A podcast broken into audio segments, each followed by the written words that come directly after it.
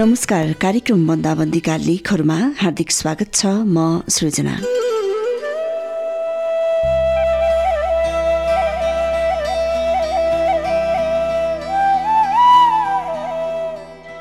आजको कार्यक्रम बन्दाबन्दीका लेखहरूमा भगवान घिमिरेले लेख्नु भएको मनोविश्लेषणात्मक कथा खाडीदेखि पैदल स्वदेश यात्रा शीर्षकको प्रस्तुत गर्दैछु। यसलाई मैले मझेरी डट कमबाट साभार गरेको छु।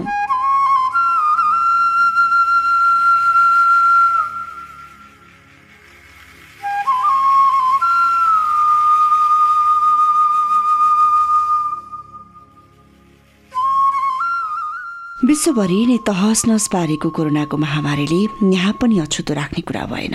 यस्तै त्रास र आतंकका बीच पनि हाम्रो अभ्यास चलिरहेकै थियो।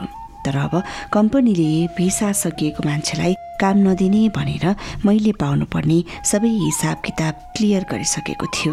अब हामी फ्लाइट हुने दिनको प्रतीक्षामा दिनहौँ समाचारमा आज यतिजना संक्रमित र यति हजारजनाको मृत्यु भयो भन्ने समाचार सुनेर जनै आतंकित हुनु हाम्रो दिनचर्या भएको थियो। कोठाबाट प्राय बाहिर निस्कदैनथ्यौँ। कोरोना सर्ने डर थियो। यसरी एक एक गर्दै संसारभरि नै कोरोनाको उपचार गर्ने डाक्टरहरू दमादम बढ्न थालेको खबरहरू पनि आउन थाले। अर्कोतर्फ विदेशमा रहेका हरेक देशका नागरिकहरू कोरोना लागेकै अवस्थामा भए पनि मरे पनि आफ्नै देश आफ्नै माटोमा मर्ने भनेर दमादम प्लेन चार्टर गरेर स्वदेश फर्कन थाले। जसको परिणामस्वरूप प्लेन चलाउने पाइलट र अरू स्टाफहरू समेत कोरोनाको रोगी भए र दमादम मर्न थाले। जसले गर्दा संसारभरिका प्लेनहरू चलाउने पाइलट भएनन् र सबै प्लेन एयरपोर्टमै ग्राउन्डेड अवस्थामा रहे। एकातिर बिरामीको उपचार गर्ने डाक्टरहरू धमाधम बढ्न थालेपछि बाँकी रहेका बिरामीहरूको बाँच्ने आशा हराउँदै गएको थियो भने त्यसैमाथि अर्कोतर्फ विदेशमा रहेका विभिन्न देशका नागरिकहरू पनि प्लेन नचल्ने भएपछि अब बाँच्ने र स्वदेश फर्कने आश मार्न थाले। झनै आतंकित बन्न थाले। स्थिति यस्तो हुन लाग्यो कि आफ्नै आँखा अगाडि पनि धमाधम मान्छेहरू मर्न थाले। शरीरमा भएको रोगसँग लड्न सक्ने तागत पनि वरिपरि देखिने गरेको भयावह मृत्युले बिस्तारै छिन बनाउँदै लग्यो रोगले भन्दा पनि यत्तिकै मरिने डरले मान्छेहरू कमजोर हुँदै गए। एक किसिमले मान्छेहरू आफ्नो ज्यान बाहेक अरू केही कुराको प्रवाह गर्न छाडिसकेका थिए। एक किसिमले मान्छेहरू आफ्नो ज्यान बाहेक अरू केही कुराको प्रवाह गर्न छाडिसकेका थिए। ठिकै समस्याले हामीलाई पिरुल्न थाल्यो अनि हामी बाँकी रहेका पाँचजना नेपाली साथीहरू वर्षौँ लागे पनि पैदल हिँडेरै देश फर्कने सल्लाह गर्यौँ र कुरा पनि मिल्यो। अनि पछाडि बोक्न मिल्ने ठुलो झोलामा आफूले लगाउने र चाहिने कपडा दिनौँ प्रयोगमा आउनेहरू सानातिना सामानसहित प्याक गरेर म पनि तयार भएँ। कपडा भने मैले कुनै पनि छाडिनँ चाहे त्यो गर्मीका हुन् या जाडोका। किनकि हामी वर्षौँ लागे पनि गन्तव्यमा नपगुन्जेल हिँडिरहने अठोट गरेका थियौँ। त्यसैले वर्षभरि कहिले जाडो र कहिले गर्मी सिजन हुन्थ्यो र सबै कपडाको आवश्यकता पर्थ्यो। साथमा कम्पनीबाट आएको केही पैसा मोबाइल पानीको बोतल एक एकवटा चम्चा र हलुका खालको प्लेट समेत बोक्यौँ अनि हामी हिँड्न सुरु गर्यौँ। गर्मी चढिसकेकोले धेरै हिँड्न सकिने कुरा भएन। सुरु सुरुमा अनुकन्टार मरुभूमि र चर्को घाम भएकाले दुई चार किलोमिटर हिँड्दै आराम गर्दै पानी पिउँदै फेरि हिँड्थ्यौँ। यसरी नै केही हप्ता हिँडेपछि भने अलिअलि जङ्गल पहाड र नदीहरू देखिन थाले र खुसी पनि भयौँ। रात पर्दा र भोक लाग्दा बाटोमा देखिने बस्तीहरूमा बसेर खाना खोज्थ्यौँ। तर त्यहाँ भाषाको समस्या हुन्थ्यो। हामी बोल्ने भाषा उनीहरू नबुझ्ने उनीहरू बोलेको हामीले नबुझ्ने। अन्त्यमा इसाराको मद्दतले हामीहरू टाढादेखि आएको र खानेकुरा केही नभएको भोकभोकै परेको भनेर बुझाउँथ्यौँ अनि बल्ल उनीहरू खुसी हुँदै झर्को नमानी खाना खुवाउँथे। खानाको पैसा तिर्न खोज्दा उनीहरू लिन मान्दैनथे र इसारामै भन्थे अब संसारमा मान्छे सबै यसरी मरेर रित्तिन लागेपछि यो अन्न पाथो पारेर पो के काम? खाने मान्छे सबै कोरोनाले सखा पार्न लागिसक्यो भन्थे। जुन पैसा कमाउन त्यत्रो मरियत्य गऱ्यौँ यत्रो हजारौँ किलोमिटर टाढा आयौँ आज पहिलोचोटि त्यही पैसाको कुनै महत्त्व नभएको देख्दा अचम्म लाग्थ्यो। हप्तौँ हिँड्दा हिँड्दा बाटोमा यस्तो ठाउँ पनि भेट्यौँ करिब करिब पुरै सहर मानव रहित निर्जन शमशान घाट जस्ता लाग्थे। अग्ला अग्ला महलहरू सबै रित्ता गाउँ बस्ती रित्तो। कहीँ यस्तो लाग्थ्यो कि अब यो संसारमा मान्छेको नाममा हामी साथमा हिँडिरहेका पैदल यात्रीहरू मात्रै छौँ। जङ्गलहरू पनि सुन्दर थिए जङ्गली जनावरहरू मस्त थिए। उनीहरूलाई कुनै प्रभाव थिएन र मान्छेको डर पनि थिएन। बस्तीहरू नै मानवरहित भएपछि जङ्गली जनावर मानव बस्तीहरूमा निर्वाध घुमिरहेका देखिन्थे।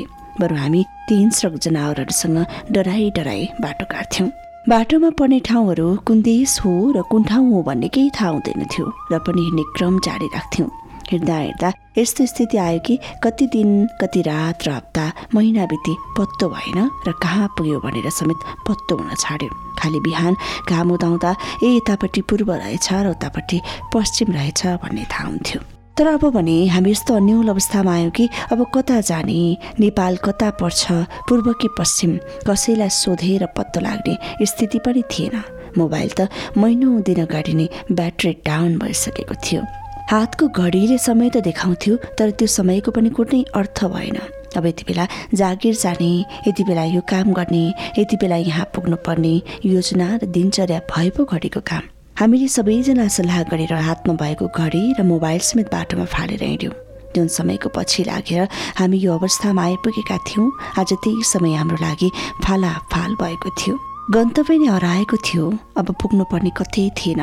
केवल खाना र नाना अनि बास बस्ने ओत भए पुग्थ्यो हामीलाई। सायद यतिका दिनसम्म हिँडिरहँदा वर्ष पनि बित्यो होला। हामीले स्वदेश पुग्ने आशा मारिसकेका थियौँ। त्यसैले बिस्तारै बिस्तारै आफ्नो देश गाउँ समाज परिवार छोराछोरी सबै बिर्सिसकेका थियौँ। एक किसिमले माया मारिसकेका केवल माया थियो त आफ्नै ज्यान कसरी बचाउने भन्ने मात्रै। अझ भन्दाखेरि अब हामीलाई ती सबै कुराको मतलब हुनै छाडिसकेको थियो। स्वदेश पुग्ने वर्षौँदेखिको हिँडाइलाई सदाका लागि बिट मार्दै बसेको हामी पाँचजनाको बैठकले अब यतै कतै राम्रो ठाउँ खोजेर सधैँका लागि घरबार जोड्ने निर्णय गर्यौँ। दिशाहीन गन्तव्यमा रहेको हाम्रो हिँडाइ बन्द गरेर यति सेटल हुने कुराले खुसी भयौँ। अब हामीलाई कुनै चिन्ता थिएन न घर न देश न आफ्नो माटो। एक किसिमले हामी सारा संसार बिर्सेर कुनै सहरको गल्लीमा हिँडिरहने पागल जस्तै भइसकेका थियौँ। मस्तिष्कबाट माया मोह भन्ने कुरा पुरै हराइसकेको थियो।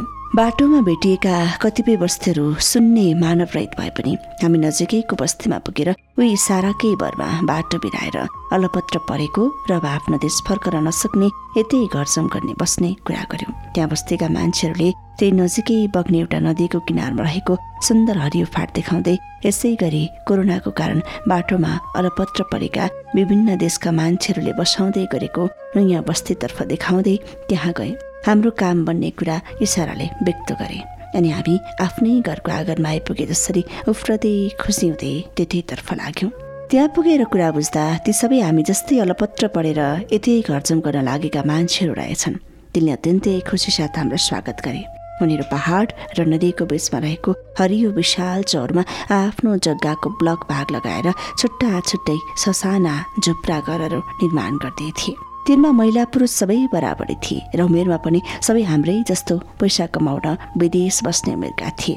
त्यसमध्ये कतिपयको आफ्नै देशबाट आएदेखिको सधैँको नछुटेर रहेको जोडी समेत रहेछ। हाम्रो मनसाय बुझेपछि उनीहरूले त्यही नजिकै हामी पाँचैजनाको लागि भनेर छुट्टा छुट्टै पाँचवटा ब्लक देखाउँदै त्यहीँ आफ्नो ससानो घर बनाउनु र मिलेर बस्नु भने। हामीले पनि त्यसै गर्ने निर्णय गऱ्यौँ र अब हिँड्ने गन्तव्य टुङ्गेर स्थायी बसोबास पाउने भएकाले निकै रमायौँ पनि। अब त्यो पहाडी भूभाग अनि कलकल बग्ने स्वच्छ र निर्मल पानी नदी किनारको स्वर्ग जस्तो सुन्दर चौर हाम्रो भाग्य जिन्दगी। त्यहाँ संसारभरिका हामी जस्तै बाटोमा अलपत्र परेका मान्छेहरूले निर्माण गरेको अर्को एउटा बेग्लै सानो संसार जसमा जातभात धनी गरिब धर्म भाषा संस्कृति र रीतिरिवाजको कुनै भेदभाव थिएन। सबैको समान जात समान हैसियत थियो र पुरानो हामीले देखे बोकेको संसारभन्दा बेग्लै सुन्दर संसार थियो। हामी यति धेरै देशका नागरिक बीच पनि कुनै किसिमको रिस राग द्वेष ईर्ष्या र वैमनस्यता थिएन। बस्ने झुपडी अलग अलग भए पनि वर्षभरि खाने अन्न र फलफुलको खेतीपाती गर्ने जमिन सामूहिक थियो र त्यसबाट आउने उब्जनीको हिस्सा सबैको बराबर हुन्थ्यो। त्यहाँ खेतीबाली सिँचाइ र पिउनका लागि त्यही नदीको पानीले प्रशस्त पुग्थ्यो। जिउनका लागि धेरै दुःख नगरी सबै कुरा चल्थ्यो। करिब करिब सबैले पुरानो अतीत बोलिसकेकाले कसैलाई सहर बजार घर घडेरी अत्याधुनिक सुविधाको लोभ थिएन। त्यहाँ आउने प्राय सबैले बाटोमा खण्डर र मानव रहित ठुला ठुला मृत र सुनसान प्रयोजनविहीन सहर देखेर आएका थियौँ। फरक फरक देशका नागरिक भएकाले सामूहिक खेतीपाती र बेला बेला फुर्सदमा गरिने आफ्नो देशको आफूले जानेको नाचगान र रङ र माइलोले पुरानो अतीत सबै बोलाएको थियो। र अन्त्यमा सबैभन्दा महत्त्वपूर्ण कुरा त्यहाँ रहेका हामी सयौँजनाको समूहले बसाएको त्यो नयाँ संसारमा पैसा भन्ने चिज नै थिएन। अर्थात् पैसाको प्रयोग नै थिएन। जुन पैसाले हामीलाई यो अवस्थामा ल्याइ पुर्याइदिएको थियो अब हामी आफैले निर्माण गरेको हाम्रो त्यो नयाँ संसारमा फेरि त्यही पैसाको प्रयोग नगर्ने प्रण गरेका थियौँ। त्यहाँ कुनै देशसँग सम्बन्धित कागजात या आइडेन्टिटी पनि थिएन। हाम्रो नितान्त प्राकृतिक जीवन थियो।